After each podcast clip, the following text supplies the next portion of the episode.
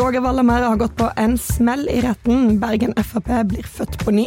Og vi skal snakke om nynorsk hat. Velkommen til Noen må gå, en podkast fra Bergenstidene.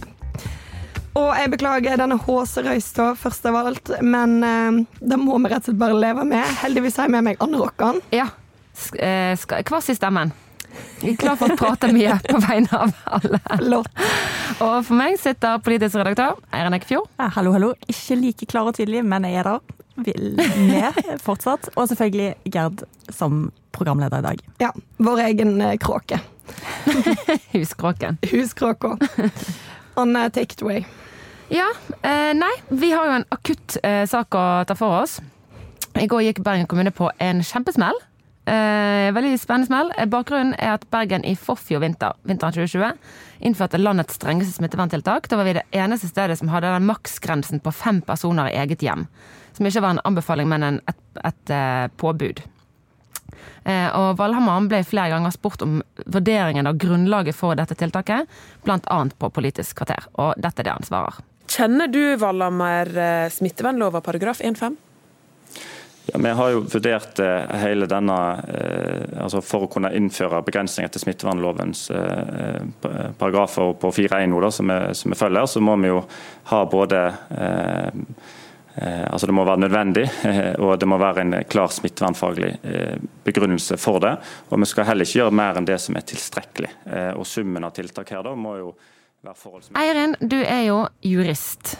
Hva er det som kommer fra lagmannsretten i går? Altså det, dommen sabler jo ned hele dette smittevernsregimet, og det er så deilig. Og I Stavanger så har vi et uttrykk som heter 'nyders', når du er sånn skikkelig fornøyd. Når, når noen har fått som fortjent. Jeg bare Ja. tenker nyders. Gulating, lagmannsrett. Takk. Eh, Så ikke bare som jurist, men også som menneske er jeg Ja, veldig fornøyd med denne dommen. Så du er dommen. eh, jurist og menneskeekspert. Yes. Men hva er det, hva er det den eh, Hva handler saken om? Nei, saken handler jo egentlig om det vi har påpekt i sånn ca. to år nå. At alle tiltakene som blir innført, må ha en begrunnelse. De må være forankra i smittevernloven, som sier at de skal være nødvendig og ha en klar medisinskfaglig begrunnelse. Og at det skal være tjenlig liksom, ut fra en sånn, eh, altså den store sammenhengen. Og her stryker jo dette tiltaket på alle punkt. Ja, Selv om eh, Valhammer i Lykkelig så har vi at han, han ramser jo opp han, han er jo klar over disse forutsetningene for tiltaket, men det høres ikke ut som han har truffet Eller liksom, han kan ikke forklare at eh, hva skal jeg si, situasjonen var at han oppfylte disse, disse til, eh, kravene. Nei, og så mangler det jo denne medisinske begrunnelsen. For den medisinske begrunnelsen som er gitt, den kommer jo fra han som en gang var medisinsk fagsjef, nå kommuneoverlege. Veldig mange hatter har han i dette systemet. Trond Egil Hansen. Og han overkjørte jo egentlig sin egen, eller eh, kommunen sin egen smittevernoverlege, som var mot dette, som mente det var for inngripende. Mm, Karina Løland hun eh, protesterte mot å innføre Ja, men hun ble jo ikke hørt, så det er jo en slags oppreisning for henne òg, dette. Ja. Eh, En enorm form for revansj. Hun som gikk, hun sluttet jobben til slutt, orket ikke å eh, krige med han Hansen lenger. Nei, det kan jeg jo skjønne, du er smittevernoverlege, og så gidder de ikke å høre på deg. De inviterte hun ikke engang i møte der de vedtok dette her. Nei, hun sånn? hadde sittet og utredet det, men så sendte hun visst visst inn litt for seint. En halvtime for seint, Ja, og liksom. da var det sånn Nei, sorry, Maja, jeg kan ikke bruk for disse. Ja, men det er jeg helt enig i. Altså, vi må ha noen regler i dette landet. Kanskje drive og innføre sånn landets strengeste smitteverntiltak, eh, og så har hun kommet 20 minutter for seint til møtet. Altså, da får det bare stå til, tenker jeg. Men det eh, dommen sier, i hvert fall, var at eh, denne regelen var basert på litt sånn generelle matematiske modeller. Det høres ut som Trond Egil Hansen har det ut litt sånn Men han har rett. Fem stykk er flere enn ti stykk. Ja, altså, og at det er mye, mer eller mindre løsrevet fra konkrete smittetall og analyser. Så dette her er jo helt sånn stikk fingeren i luften og tenk på et tall. Og det er jo ikke holdbart. Veldig tydelig beskjed fra retten. Og det var heller ikke dokumentert, og det er jo sant, det var ikke begrunna. Det var ikke dokumentert eller drøfta på noe vis at den regelen var nødvendig, eller hadde den ønska effekten. Og så er det òg alltid sånn at du er nødt til å tenke ok, kan vi gjøre noe mindre inngripende som har samme effekt? Og det finner de ikke spor av at ble gjort. Så ganske eh, elendig prosess her fra ende til annen. Ja, selv om de fikk jo Det var jo flere som eh, på en måte påpekte akkurat dette. Også det at kunne man gjort det på en annen måte. Kunne man gjort det sånn at man hadde en antall Altså du kan ha to gjester istedenfor fem totalt. Sånn at det blir eh, litt armslag for de som f.eks. er en familie på fem fra før, og da har null mulighet til å ha barns venner på besøk og sånne ting. Men det er jo Vi har jo hatt mange, altså vi i BT i hvert fall, har jo protestert jevnt og trutt eh, på mange av disse tiltakene. Men det har jo ikke vært et sånn type rettslig oppgjør.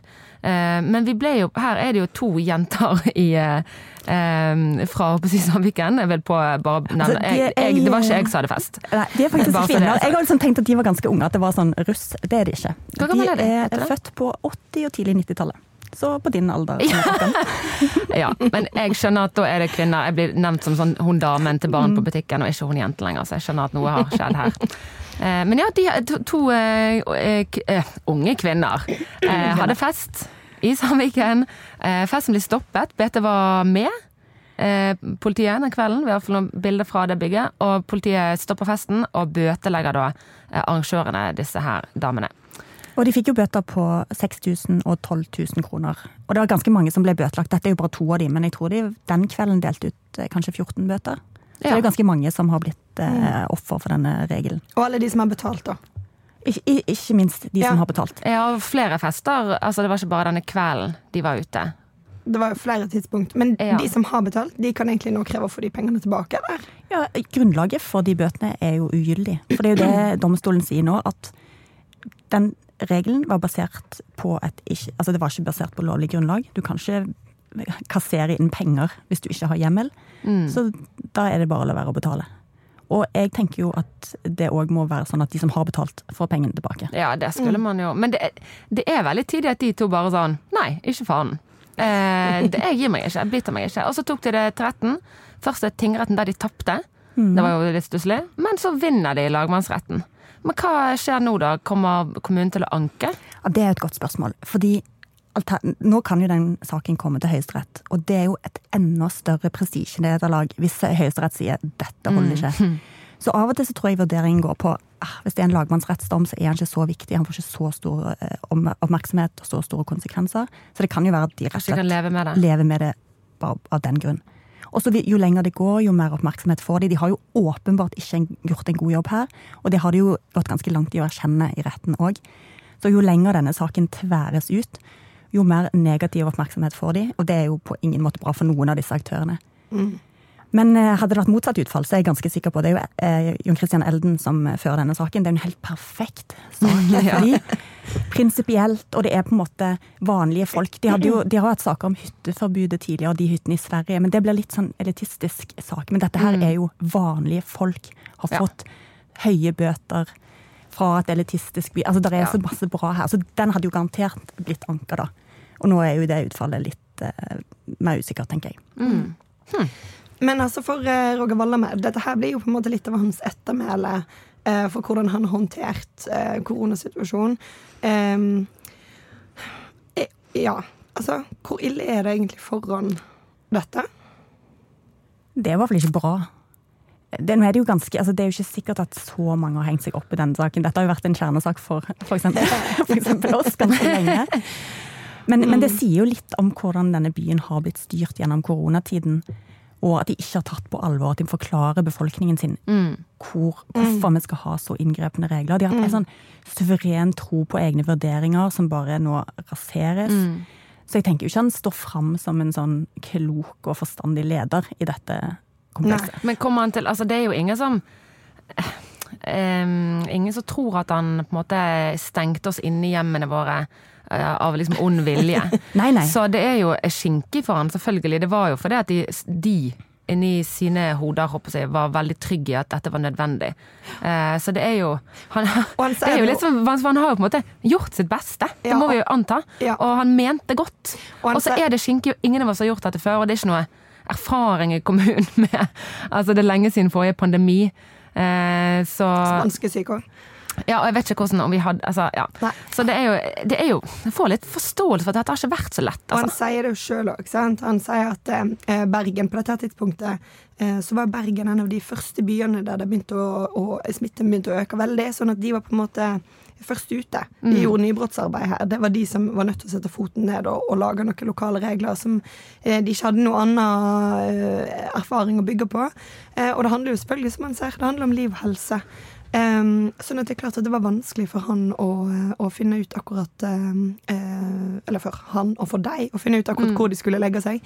Men det, er jo, det vesentlige her er jo på en måte ikke eh, Var det fem, var det ti, osv. Men det var, de måtte nå i minste begrunne det når de gjorde det. Ta seg tid til å faktisk sette seg ned og skrive ut hva som var begrunnelsen, for den fins ikke. Uh, og dette har de jo også gjentatt. Vi så det jo rett før jul eh, og snakka om det i, i podkasten da òg. Eh, når de prøvde å, å eh, pålegge oss eh, strenge karanteneregler her i Bergen, mens det ikke var det i resten av landet. Eh, fordi de bare sa at ah, omikron kan jo være overalt. Nå er omikron overalt, men det var ikke det da. Ja. Og det var på en måte bare en bisetning som gjorde at eh, de bare låste inn masse bergensere. Det hørtes ut som en god idé. Ja. Eh, så, så det her har de på en måte gjentatt mange ganger. Og så er det jo litt sånn urettferdig igjen, da. Eh, det er Bergen som går på den smellen, men vi vet jo at det her har jo skjedd over hele landet.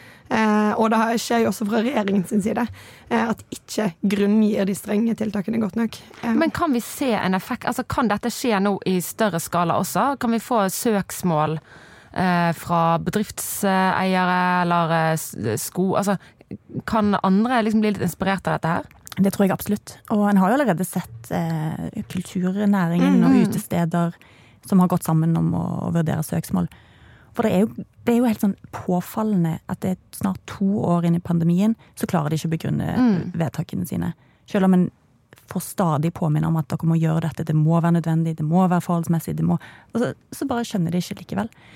Så jeg tenker jo at det i hvert fall eh, Og det er verdt å prøve. Det Det er jo veldig bra at disse sakene faktisk kommer til retten. Fordi at en får satt noen grenser, og at en får vist hva, hvilke krav en faktisk eh, skal stille Ja. til myndighetene i disse sakene. Men du har skrevet om dette, Eirin, og lansert en mulig forklaring på hvorfor det gikk litt over styr, kanskje. Gikk litt, eh, to, tatt litt kraftig i. Hva er det, hvilken stemning var det du mener eh, hersket? Ja, nei, jeg har jo Det har vært litt sånn storkukstemning. Storkukstemning, som er altså eh, big dick energy på Big norsk. Dick Energy. Eh, og dette er jo et Altså Det kommer jo fra engelsk, Big Dick Energy, men så har det jo òg blitt importert i Sverige eh, i koronatiden. Og Der de kaller det for storkukslugn. Altså de store kukers ro. Altså, det er et, å, det er et Sverige, potent for de er jo så PK at her kan du bruke det både om menn og kvinner. Selvfølgelig. ja, Men, det er bra. det, men i Sverige har det vært knytta til Anders Tegnell, som jeg husker som statsepidemiolog og koronastrateg. Og det er Ja. den holdningen Og det er jo egentlig den jeg vil til livs, den der suverene selvtilliten. Sånn nei, vi vet best, vi trenger ikke forklare dere hvorfor dere må leve sånn, for vi har jo hele vettet. Men hvem er det du Hvem er det som har Altså, for nei Okay, det, no, Nei, dette her blir så feil her, men jeg, jeg skulle si at når jeg, når jeg ser er det på Roger det. Så tenker jeg ikke nødvendigvis liksom eh. Altså, jeg, det kan ikke si Det har nå blitt sagt, og du kan Nei. ikke ha det usagt. Nei, Vi har det på tape. Ja, men Trond Egil Hansen, da? Eller eh, Beate Husa kan jo òg ha litt sånn big dick energy. Jeg vet- jeg har noen fra KrF Big Dick Energy. Mm, ja. Bare kvinnene, i så Ja, kanskje kvinnene. Ja. Jo, men eh, jeg vil jo si at Trond Egil Hansen, som i går etter dommen var sånn Å, jeg skjønner ikke hvorfor retten skulle drive og henge seg opp i alt dette her. Eh, det vesentlige var jo at disse folkene holdt en fest som hadde vært ulovlig uansett. Så ja, jeg tror kanskje han har litt, eh, det er litt storkukstemning Ja. å spore der. Ja, og så må vi òg eh, ikke glemme at når de prøvde å stenge oss inne rett før jul, så var det jo òg han som hadde lest et eller annet i media om at han trodde kanskje at Helsedepartementet eller direktoratet Lest i media at det ville var- det. Så den der arrogansen og den der sånn, Ja, men jeg, jeg er bedre enn dere, jeg skjønner dette bedre. Ikke, ikke mm. liksom, dere trenger ikke bry dere med sånne detaljer som en forklaring, fordi at vi vet best. Og mange har jo selvfølgelig hengt seg opp i den eh, kukordet som jeg har brukt opptil flere ganger i en eh, sober og borgerlig avis. Eh, Du, vi har vel faktisk mista abonnenter i Bergenstidene oh, ja. av det. Men det har jeg gjort før, så det, Ja. jeg har kanskje en sånn intern rekord i å miste abonnenter. så det tar jeg med knu, knusende ro. De kommer ofte tilbake. Men ehm, eh, Nei, ja, men det er jo den der overførte betydningen, da. Og måten de håndterer dette. Og Ingvild Kjerkol. Mye eh, Big Dick Energy der òg. Ja. Der er det gjennomskjæring. Ja. Ja. Men eh, en seier for eh, folket og skal vi si Karina Løland? Det bildet av Ja, hun som vi hadde på forsiden, eller på, på den saken da denne dommen kom i går, der det også er eksplisitt understreket at hun burde blitt lyttet til. Og så bare er det et bilde av hun der hun liksom ser litt sånn her eh, fjong og fornøyd ut, rusler rundt eh, i ja, ser bare utrolig profesjonell og tillitsvekkende ut. Så får jeg litt sånn oh, litt eh, storkukstemning på den litt sånn attraktive måten av hun, altså. Der har du en som eh, fikk sin triumf i går. Så det, ja, det tar vi med oss. Og det må jo være så deilig å bare komme ut av det der apparatet, der du ikke blir hørt på, og Ja. der noen har liksom mer sånn Du slitt går i protest, for du orker ikke å kjempe mot systemet. Og så Ja. bare får du sånn en lagmannsrettsdom som sier at det var du som hadde rett. Altså, Jeg håper nesten at den saken kommer til Høyesterett, bare for at du kan få et enda større gjennomslag. Kanskje vi skal ha en sånn gjest i poden. Men Men ja. eh, apropos eh, storkukstemning. Nei. For 27. januar, altså i dag, skal Bergen Frp igjen oppstå. Etter å ha vært tvangsnedlagt i to år pga. interne konflikter. Hør på dette. Så man kunne nesten lure på om det var noen som hadde infisert oss for å ødelegge det fullstendig fra innsiden. Og, og, og noen bedre måte å gjøre det enn det som er gjort, det skal vel vanskelig eh, gjøres. altså. Og så ligger man ned på toppen av lokallaget Bergen Frp, er lagt ned. Og eh, vi er ekskludert, vi som ønsker at det skal komme opp igjen. Så den røde tråden som går gjennom dette, det er Vi har gjort i hvert fall alt til rette for å kjøre Bergen Frp til helvete. Det har de gjort. Ja, Bergen Frp ble kjørt til helvete. I november 2019 ble lokallaget lagt ned. De fikk ikke lenger bruke partinavnet. Alle mista titler og verv. Og fire personer ble kasta ut av partiet. Og Gerd, du har jo fulgt denne saken tett. Hva var det egentlig som skjedde her? Altså um Det som ligger til grunn her nå, er jo at like før juli 2019 så la de ned eh, lokallaget. Hvem er de? Altså var det Sentralstyret sentralt, i eh, Frp. Eh, så det var Siv Jensen og gjengen. store Frp? Store Frp. Eh, det, det de gjorde, var at de rent sånn formelt var at de fratok Bergen retten til å bruke logo og navn. Som er en sånn liten sånn eh, likvideringsklausul som de har i reglementet sitt. Men hovedårsaken var jo bare eh, sant, det her uløselige konfliktnivået som har vært i Bergen i alle år. Og, og grunnen til det er egentlig personkonflikt, så vidt eh, jeg om jeg kan forstå. Eh, det er ikke sånn at det er veldig store politiske forskjeller i Bergen og har vært det. Det er ikke noe sånn nasjonalkonservatisme mot eh, markedsliberalisme. Egentlig. Det er bare at folk virkelig har hata trynet på hverandre. Eh, og ja De som vi hørte fra i klippet her, det var vel de som eh, ble ekskludert eh, høsten, tror jeg, 2020. Mm, det var fire av de. Det var Tor Voldseth, Thomas Flesland, Kjartan Moi Andreassen og Willy Padøy ble Ja. kasta ut. Hvis det sier vet ikke om De to, første, de to første her eh, er bystyrerepresentanter eh, som ble valgt inn for Frp, som nå er sitt som uavhengige. Eh, det vil si, han ene har gått over til Senterpartiet, faktisk. Um, men ja, de har vært uh, Frp-politikere, uh, og, og det sier jo litt om hvor masse Frp ønsker å rydde opp. For de tok altså da, de hadde tre representanter i bystyret, og så kasta de ut to av de, så de, nå sitter de bare med én igjen. Så de har jo virkelig bare gått løs på det her lokallaget. eh, Og så er det jo et sånn power couple i dette systemet som jeg har lagt merke til. Det er Marte Monstad og Kristoffer Thomsen. Og der var det jo at han da som eh, leder eh, for Frp Bergen sikra samboeren sin et betalt lederverv for Frp i bystyret. Ja. Og det førte jo òg til eh, protester. Det kan man jo eh, forstå. Eh, ja. Det er morsomt at du kaller det makt uh, power couple. Det er litt Ja, jeg veit ikke helt. Men uh, hva vi kan kalle det der. Men ja, det var, det var definitivt skapte jo bråk, men det var jo allerede fryktelig betent, da. Ja. Uh, og det var jo på en måte det var en grunn til at han prøvde å sikre det òg. Altså, det var jo fordi de allerede var i en konflikt med Tor Voldseth, som vi hørte her, og ja, litt den gjengen. Altså, over lang tid da, så har det vært et slags grasrotopprør i Bergen Frp. Um, mitt sånn ekte første møte med Bergen Frp var årsmøtet deres i 2015. Når de skulle velge en ny leder. Um, han het Daniel Heggelund og var på en måte en fyr som hadde vært i politikken en stund. Eh, Men på dette møtet da, så eh, kom det veldig raskt benkeforslag fra et sånn nest bakerste benk. Eh, så eh, ble det foreslått heller en slags klimaskeptiker som eh, heter Petter Elvik, Eltvik. Som ble foreslått. Han visste ikke sjøl at han skulle bli foreslått som lederkandidat den kvelden, men da ble han, og han vant. Og ja.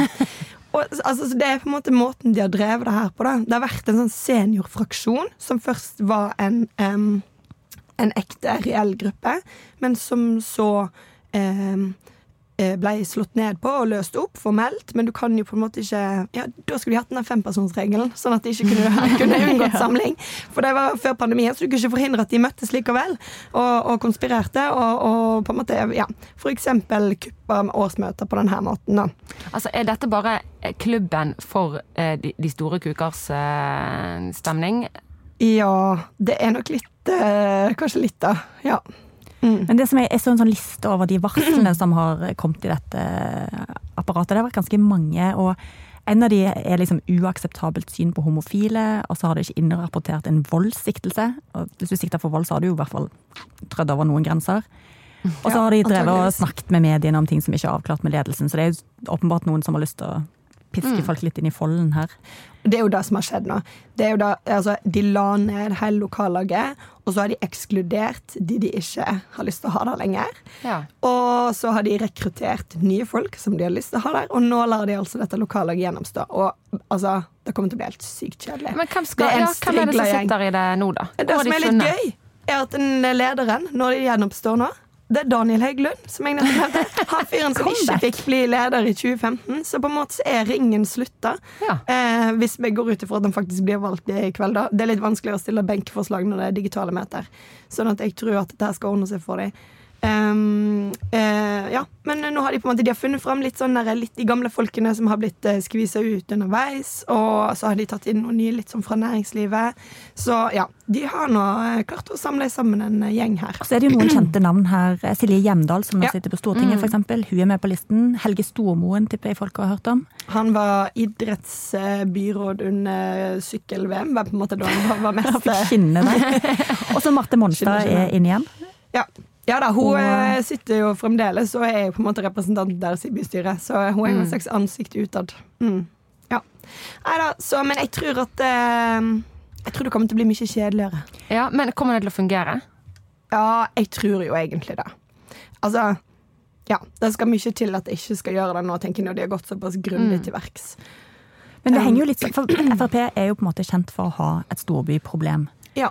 Og det går vel ikke nødvendigvis vekk, men, men det har jo skjedd tilsvarende, men ikke helt like konflikter i Oslo. Der eh, han her eh, Geir Ugland Jacobsen ble ekskludert fra partiet. Og det var jo på et tidspunkt mange som ønska at sentra- sentralstyret skulle legge ned Oslo Frp òg. Men det er vel ikke helt det samme. Nei, for der handler det faktisk mer om politiske forskjeller.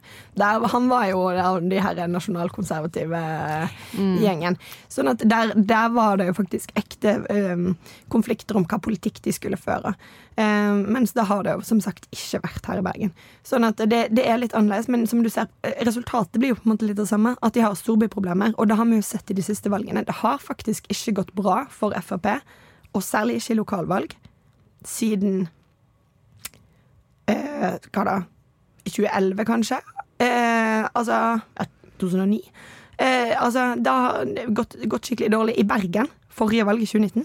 Og så må vi huske 4,6 på- prosent, Ja. eller noe sånt. Og kom jo også bompengepartiet kom jo og tok hele luven fra Ja, ja, ja. kjernesaken til Frp. Da hadde de på en måte ikke så mye igjen. Nei, men du kan jo si at på en måte, ok, det var veldig spesielt. Ja, ok, se fire år før der er det da, 2015. 8, et eller annet. Det var jo et elendig valgresultat òg. Um, sånn at eh, de har jo ikke gjort det bra. For i Bergen er jo på en måte en by der de skal gjøre det virkelig bra. Vi er på en måte på den si, blå kysten her. Uh, og det har altså Frp uh, har liksom sittet i byråd, de har vært et parti som har vært med og styrt. Um, og nå det, det, det er jo rart å tenke på det, at nå har de da gått fra Uh, Altså, de gikk ut av byrådet i 2015. Og i løpet av bare noen år så har de da blitt sånn helt rasert, måtte legge oss ned. De har bare én person igjen i bystyret. Altså det, det er virkelig en Ja, de har en stor jobb å gjøre med å gjenreise seg, da. Eh, problemet for Frp er jo at det er de store byene at det er mange stemmer. Så også i stortingsvalget så blir dette et stort problem for dem, fordi det er der du virkelig kan samle mengder av stemmer. Det er der du kan få oppslutning. Så de er nødt til å gjøre noe med dette. Og, og eh, ja, det er en del av en større strategi for Frp å prøve å få orden på storbyene sine. For det er jo på en måte Du kan gjøre det så godt du vil i Bjørnafjorden, eh, men det, det, det hjelper deg ikke i det, i det store lange løp. Ja. Ja. Mm. Spennende. Ja, det blir jo det, det. Eh, men så spørsmålet er på en måte hva som kan bli sakene deres, som kan få hjelpe de å reise seg igjen. Eh, og det er jeg litt sånn usikker på, da. Fordi at eh, du nevner jo Bompengepartiet. De er jo på våre målinger nå. Det er en stund siden vi har hatt eh, forrige, altså siden sist måling. Da var det vi midt i et bybanekaos, så det kan ha vært litt rart. Men Frp hadde fortsatt veldig, veldig lav oppslutning. Og det er til tross for at Bompengepartiet har jo bare forsvunnet. De finnes på en måte nesten ikke lenger på målingene. Velgerne eh, deres de har ikke kommet tilbake til Frp, og egentlig ikke til Høyre helt heller. De har satt seg på gjerdet. De vet ikke helt hva de skal gjøre. Så spørsmålet er Hvis nå Frp blir veldig, veldig strigla, kommer de til å klare å tiltrekke seg de Ja. velgerne som forlot de for et protestparti forrige gang? Jeg er usikker. Hva er det de liksom Hvor skal de ja, hva er det de skal prøve seg på for å, for å få velgerne sine tilbake?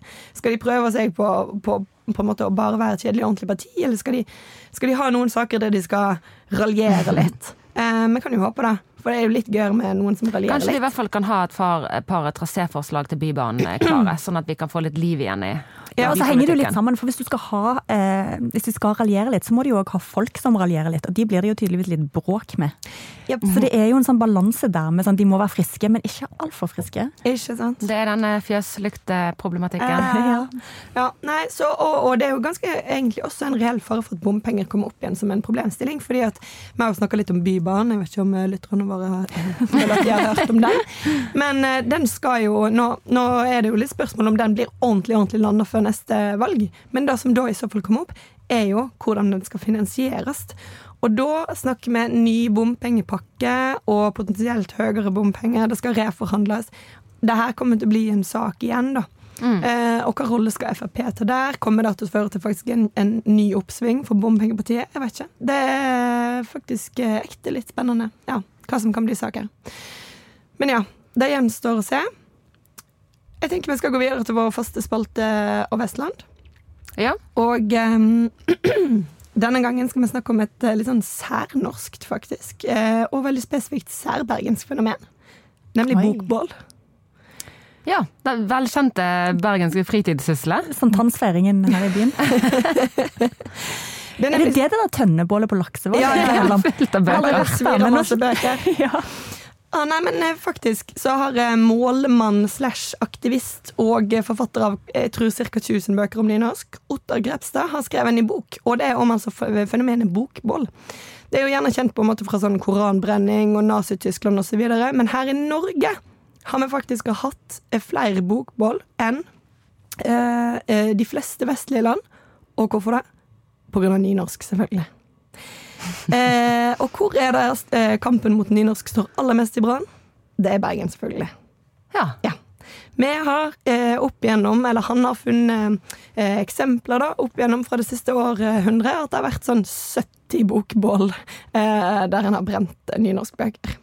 Stort sett nynorskbøker, et par samnorskbøker. Visste ikke at det fantes engang, men eh, ja.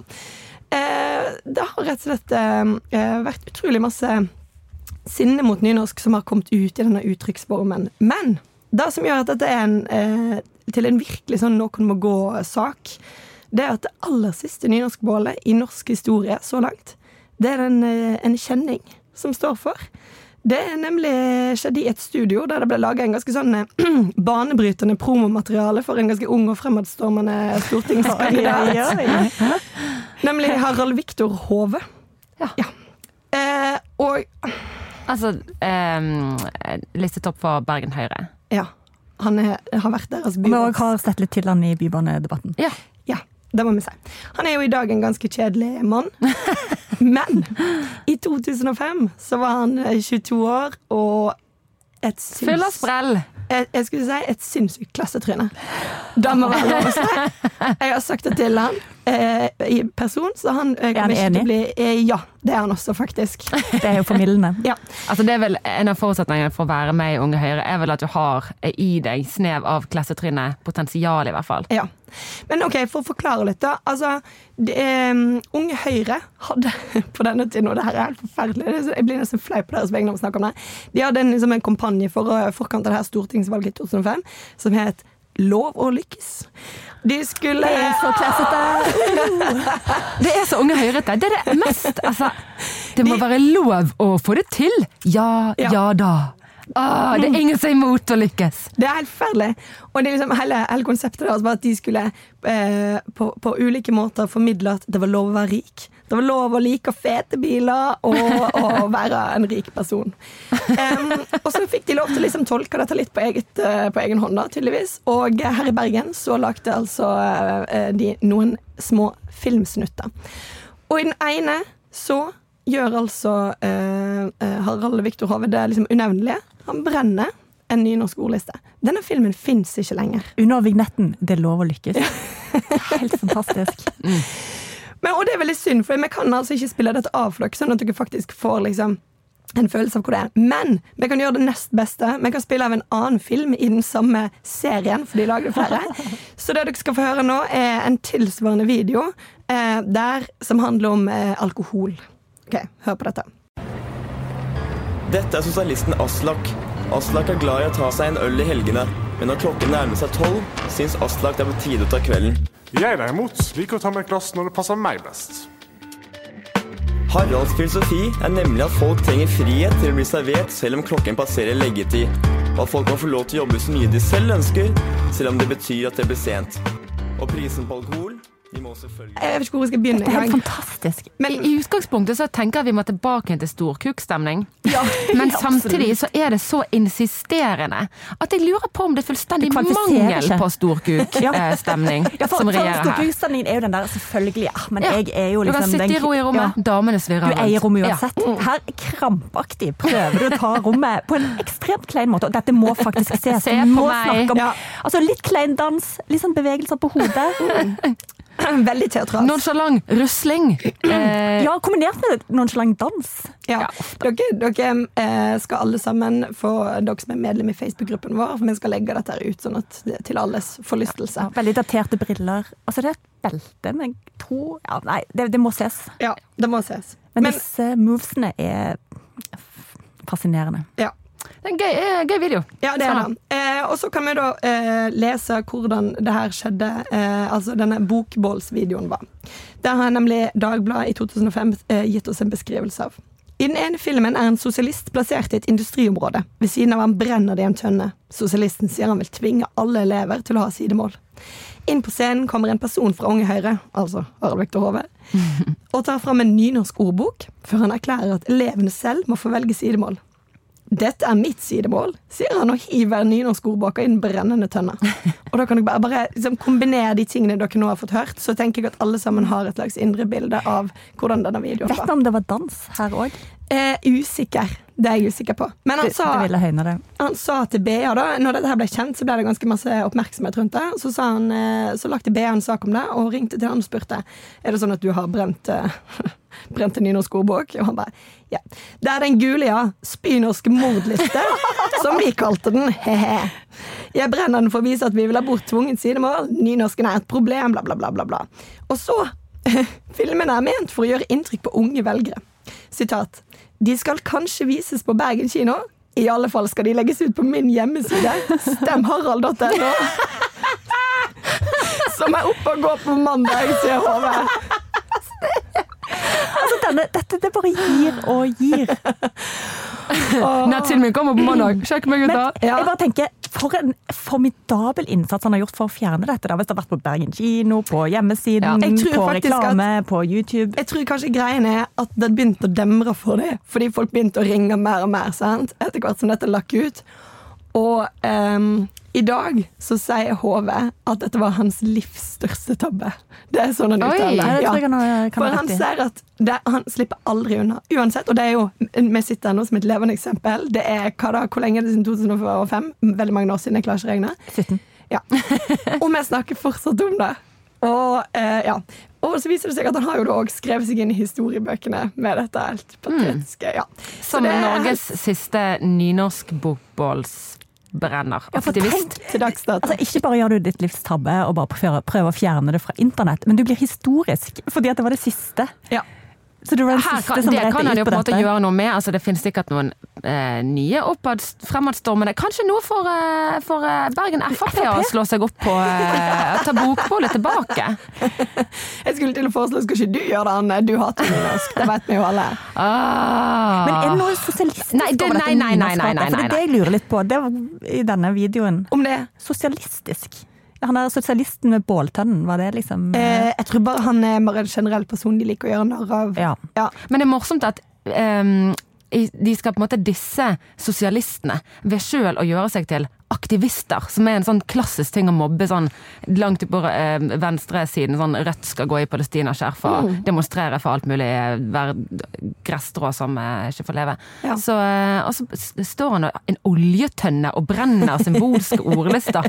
Wow! Nei, er det, er veldig, det, det er virkelig sterkt. Stakkars denne, denne ordlista, akkurat, dere vet jo akkurat hva jeg mener. Sant? Denne gule ordlista. Den er jo da en av de mest brente bøkene, tenk deg det. I liksom Norges historie.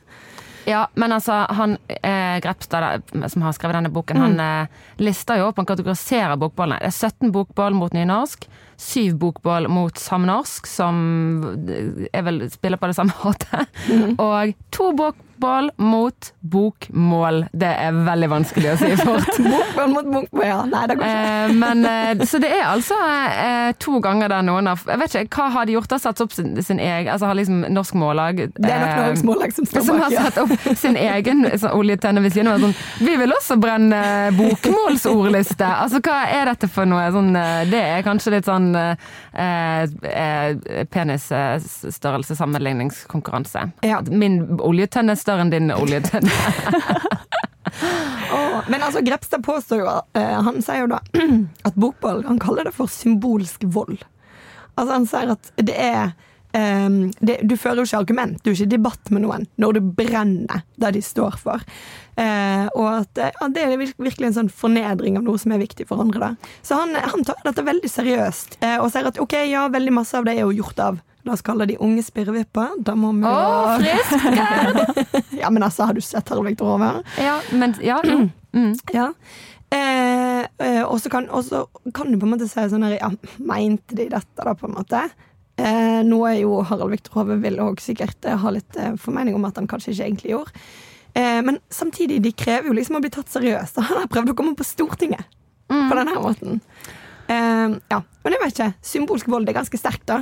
Ja, men jeg vil jo si Altså, én ting er å brenne språk. Det er supertungt. Ja. tungt. Eh, så for som sier, når du brenner språk, så brenner du mennesker. Det er på en måte, det er uttrykksformen vår. Det er liksom Mm. ekstremt um, Det er veldig symboltungt. Mm. Men også ligger Altså, bokbål er jo mest kjent for å brenne eh, altså religiøse skrifter, eller eh, bokbål under andre verdenskrig, Mm. jødiske skrifter og sånn, som er Jeg vil jo si en, det er en annen kategori. Det er en, altså et kanskje enda dypere på en måte hat, for det er å brenne på en måte Altså Begge deler handler om eksistensgrunnlag og, og dialog og liksom muligheten vår. Ja, sånn, Ja. veldig Men eh, det er jo eh, det, det er ikke bare nynorskbokbål som har vært problemet opp gjennom tidene. Da. Det er jo ikke et særfenomen for nynorsk ordliste, på en måte. Nei, men det er jo interessant at, at uh, for, den sier jeg, det er ikke så mange andre land der det er språk som har ført til eh, bokbål. Og Men det er jo ikke så mange andre det land som har to skriftspråk heller, så det er jo ikke så unaturlig at eh, Nei, Men det er, det er selvfølgelig rart at i um, en debatt om språkpolitikk, så velger man en nonverbal uttrykksform. Mm. Veldig spesielt. Ja, og ikke bare det, du argumenterer med at du skal få bedre språk ved å slippe nynorsk. Jeg tenker jo at det er helt omvendt. Jo flere språk du kan og behersker, jo bedre språk Ja. får du generelt. Så det er kunnskapsargumentet i Høyre her, det Ja. bare Kan jeg bare få ta opp igjen eh, den anklagen eh, som ble slengt ut her for eh, et par minutter siden? At du hater Nina. Om at jeg hater Nina. For her er, er det jo en historie eh, om en tekst jeg skrev i 20, kanskje 20? Nei, 2019. Jeg vet ikke. Jeg vet ikke. Traumatisk var det i hvert fall, eh, for jeg prøvde. Eh, altså, jeg er jo bokmålsbruker og kom inn her eh, Og jeg har liksom alltid vært, som man jo er i Bergen, omringet av andre bokmålsbrukere. En og annen nynorskbruker har aldri vært altså det, liksom, det har vært så naturlig og uproblematisk at det har liksom aldri vært noe jeg har blitt konfrontert med at jeg må ta stilling til. Eller, ja. Men skal du begynne å jobbe i Bergens Tidende, så må du det. Særlig på kommentaravdelingen. Særlig på kommentaravdelingen. Ja. Der um, um, Ja, for jeg pleide i en periode å skrive litt nynorsk for å kvotere inn nynorsken, men det er overhodet ikke nødvendig lenger. Den tid er forbi. Ja, nå må vi kvotere inn bokmålet. Nå hender det faktisk at noen, jeg skal ikke nevne navn av våre eh, nynorskkommentatorer, av og til skriver ledere på bokmål. For det at ellers så blir det aldri skrevet på bokmål, og da blir det veldig tydelig hvem som skrev det hvis det dukker opp en og annen. Så nå er det andre veien. Og jeg bare anekdotisk fra våre lesere. Jeg får av og til komplimenter utelukkende for at jeg skriver bokmål. Ja, jeg òg. Det står i kommentarfeltet sånn 'herlig lese en tekst på normal norsk', så blir det sånn Åh, ikke er det ikke de fellene jeg ønsker meg, på en måte. Ja, men nå må vi tilbake til deg, Anne. Ja, takk, blir- tilbake til meg. ja. Nei, men eh, det, det som skjedde var at hver gang jeg prøvde å spørre Jeg var jo oppriktig nysgjerrig på eh, eh, ny, altså, måldebatten. Eh, Gerd sitter med sånn 'Å ja vel ja'-tryne nå, som er, kan bare tørke av seg. Eh, men eh, når jeg spurte folk særlig sånn på bar og var litt sånn Ja, du skriver nynorsk. Hva er, liksom, fortell, hva er, hvorfor er dette så hver gang jeg nevner nynorsk, så blir folk sånn Nynorsk! Eh, eh, kanskje, hvor kommer den liksom, at det er jo enormt, De har jo mange andre politiske meninger også, så de sier sånn Ja, jeg er for det eller mot det, men med en gang noen nevner nynorsk, så blir det sånn Nynorsk! Nynorsk! Så jeg var litt sånn OK, her er fortell, sett meg inn i hvor dette her vanvittige engasjementet kommer fra. For det har jeg aldri liksom måttet helt sette meg inn i. Og da blir det bare en sånn Er du helt dum, eller? Skjønner ikke du det? Og det er jo veldig fremmed for er- bokmålsbrukere. Jeg har aldri hatt et sånt jeg skal, har ikke noe forhold til det. Noe forhold til Og det. det er jo et privilegium, selvfølgelig er det det. Men jeg kommer altså med en oppriktig nysgjerrighet og blir møtt med en sånn er du helt idiot hvis du ikke skjønner det? Altså Det er helt åpenbart. Det er jo en, liksom, det jo livsgrunnlaget for uh, alt. Du, du, skjønner, du skjønner ingenting hvis du ikke skjønner hvorfor. Og ingen som gadd å forklare meg. Er dette Jens som har sagt det? Det er flere. Jeg kan navngi de til deg uh, over på, på bar. Dette var ofte sånn eh, på, i sosialt samvær. Der det bare snødde seg et sånn mangehodet troll og var sånn Hold kjeft hvis du ikke skjønner hvorfor. Skjønner. Så min, eh, da gikk jo jeg også rett i trass og skrev en tekst med sånn Å, hvis nynorsk er Guds eget mål, så lever jeg i synd med glede. Og da eh, var jo Det var jo et slags eh, Det ble jo et bål ut av det også, kan Ja. du si. Men eh, du skal ha ros for at du valgte ord, og ikke å brenne. eh, Ja, takk. Du har hakket modnere enn Harald Viktor Hove. Ja. Oh, wow, det er jeg veldig glad for at dere syns, for å være helt ærlig. Men det er omtrent så langt jeg kan strekke meg i min ros. Ja. Ja. Nei, eh, det ble jo bråk og eh, Eller det vil si, jeg har aldri fått så mye eh, Altså, det har aldri fått så mange mail, jeg tror ikke jeg er ferdig med å svare på det. Eh, for det var både mobiliserte nynorskbrukere, eh, både de ekstremt intense, og de som bare var sånn Jeg kan godt svare på hva Altså, jeg kan godt svare på hva som er greit, for det var det jeg etterlyste. Et Ja. saklig svar. Kan noen sette meg inn i debatten? Kan noen forklare? Og det endte jo med at det fikk jeg. Ja, Både fra egne og andre. Som bare sånn OK, men nå, nå skal jeg svare på spørsmålet ditt. Og det var ærlig talt det jeg ville hele tiden. Og jeg lærte dritmye av det. Jeg forsto mye mer at det er mye større enn eh, Altså, jeg tror faktisk det var Um, vår sjefredaktør Frøy Gulbrandsen som forklarte at ofte når hun satt på disse landsmøtene eh, For hun var jo um, jeg vet ikke om aktiv i Mållaget, men i hvert fall var på en del av de møtene. Og det treffer folk som på en måte er uh, at det eh, å bli Når du sier at du skriver nynorsk, så blir det sånn Og du er fra bygden. Altså det blir på en måte Det er en større ting enn bare uh, språket ditt, men at det er, hele identiteten blir stemplet som liksom bondsk og mindre. Kaudervelsk. Ja, ja. Eh, og det var veldig øyeåpne for meg. Det, det var superlærerikt. Eh, så eh, egentlig kom det for meg meg det ganske mye bra ut av den debatten. Men på veien så ble jo hele poenget mitt bevist. At det å ta opp noe sånn, og det var kanskje med en litt eh, vel eh, frekk og freidig tekst også Glad du sier det sjøl. ja, men det var jo også fordi jeg igjen Jeg burde jo, altså, jeg burde jo skjønt det. Det var derfor jeg måtte ta det opp i avisen, fordi at mine egne venner ikke gadd å snakke med meg om det.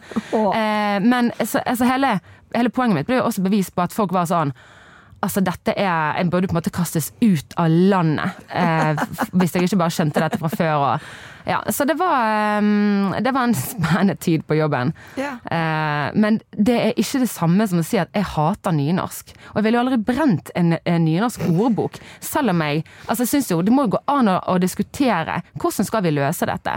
For det er jo, spesielt i denne byen og utgangspunktet var jo sånn Bergen har blitt sånn vedtatt å skulle være nynorskens hage. Eh, mens i Bergen er jo kanskje den byen i landet med færrest nynorskbrukere. Altså, vi har veldig færre nynorskbrukere enn resten av Vestlandet. Sant? Sånn at de som bare har vokst opp i Bergen, som meg, eh, ikke har forstått hvor måte, eh, viktig dette er for andre. Så da det, Utgangspunktet var litt sånn der, vi må, ta, vi må jo ta utgangspunkt i realiteten. Og det er at når du skal ha obligatorisk sidemål, så vil det provosere noen som ikke skjønner vitsen. Og hvis du har vokst opp i dette, denne lille byen, så skjønner du kanskje ikke vitsen. Og da må man forklare poenget, istedenfor bare å si 'ikke still spørsmål, gå i gang med å pugge nynorsk ordliste'.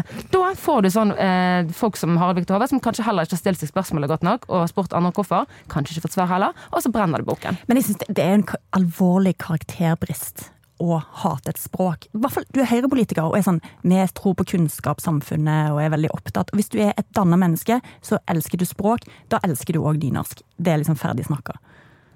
Ja. Men ok, nå må vi komme Harald Viktor Hove litt til redning her. synes Er det jeg. mulig nå? Ja, ja, ja, ja. Fordi vi må huske på at dette er lenge siden. Og alle mennesker vokser, også Anne, som er nå rektor. ja. Og det er, veldig, Det er jo- Smått om forandre seg. senn. det er fint, å, fint å høre. Og, og da har også Harald Viktor Hove gjort. Han fikk jo en slags eh, eh, ekstra Han ble voksen veldig fort. Eh, I 2005. Det, det, Det er en sier sånn, opplevelse Gi menn en, en stor dressjakke, så vokser de inn igjen. Ja. Det er litt Og- sånn, kanskje? Det var litt på den måten, for i dag på en måte Nazi-Tyskland-koblingene begynte å komme, så angrer han seg ganske kjapt. Og det er derfor denne videoen ikke fins lenger. Men måtte, det måtte hitling til for Det du skjønte det? Ja, det måtte det. Og, eh, eh, og han har jo siden blitt god venn med Odny Miljeteig, eh, SV-dronning, får vi bare kalle henne. Eh. Hun kommer jo fra Åkrafjorden, der også jeg kommer fra. Eh, og er jo en eh, nynorskforkjemper av rang. Og eh, Jeg vet ikke om det er hun eller om det er andre som har banka mer vett inn i skallen på han, men hun har i hvert fall tvangsinnmeldt han i Norges Smålag. Så hvert år siden så har han betalt sin eh, kontingent til Norges Smålag som en slags botsøvelse for dette bokbålet. Eh, og han er nå en, et, et nytt og bedre menneske. Han kan aldri melde seg ut. Nei, for jeg, i hvert fall ikke så lenge han er politisk aktiv. Nei, nei. Jeg tenker Er du tvangsinnmeldt av noen? Overhodet ikke. Og jeg kommer ikke til å la meg bli det heller. Altså, er, det, er det virkelig alvorlig? Er det måten å gå? Nei, jeg veit ikke.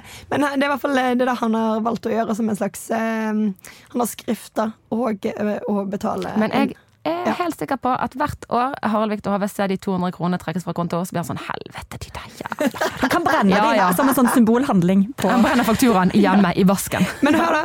Eh, Grepstad han sier at Bokbålet i 2005 i Bergen markerer tidsskillet. Ikke bare fordi det kom sterke reaksjoner fra mange kanter på den aksjonen, men også fordi forståelsen rundt verdien av språklig mangfold var i endring. Og det er jo det som er sånn fint nå, da. Og jeg, jeg føler jo virkelig da at det er en litt eh, endring. At nynorsk er ikke så teit lenger. Eh, Det blir jo til og med brukt av folk som folk ser opp til. Det blir skrevet bøker som blir ansett for å være ekte gode. Ikke bare Ja. fordi de er på nynorsk, men Det fordi er ikke bare de litt sjarmerende. Nei. Men det tror du har rett i. Det er jo ganske mange liksom, kule folk som skriver nynorsk. Ikke sant? Eh, altså Forfattere som er profilerte på Mm. andre Ja. måter. Og det blir, er liksom ikke det der trauste bygdestempelet over Nei, nynorsken. Det er ikke sånn 'dikt er så fint på nynorsk'. Altså, da. Ja, men det er et Ja. bruksspråk, og jo mer Ja. du blir eksponert for det, jo mer naturlig blir det å forholde seg til det. Mm. Så da er i hvert fall en eh, gladsak. OK. Eh, oppfordrer ingen andre til bokball, tror jeg. Eh, men eh, det var gøy å snakke om. Eh, rett og slett. Er det noen som må gå?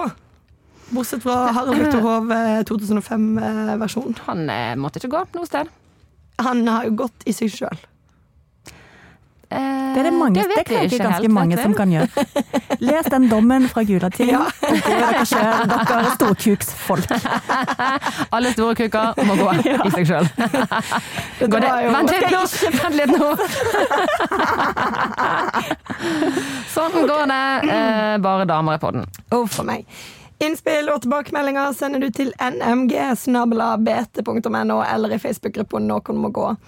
Vi kommer med en ny episode neste torsdag. Forhåpentligvis kan alle snakke med normale stemmer da. Eh, intromusikken var bergenser av Bjørn Torske. Produsent er Henrik Svanevik. Du finner podkasten i BT-appen eller hvor enn du laster ned fra verdensveven. Eh, takk for oss.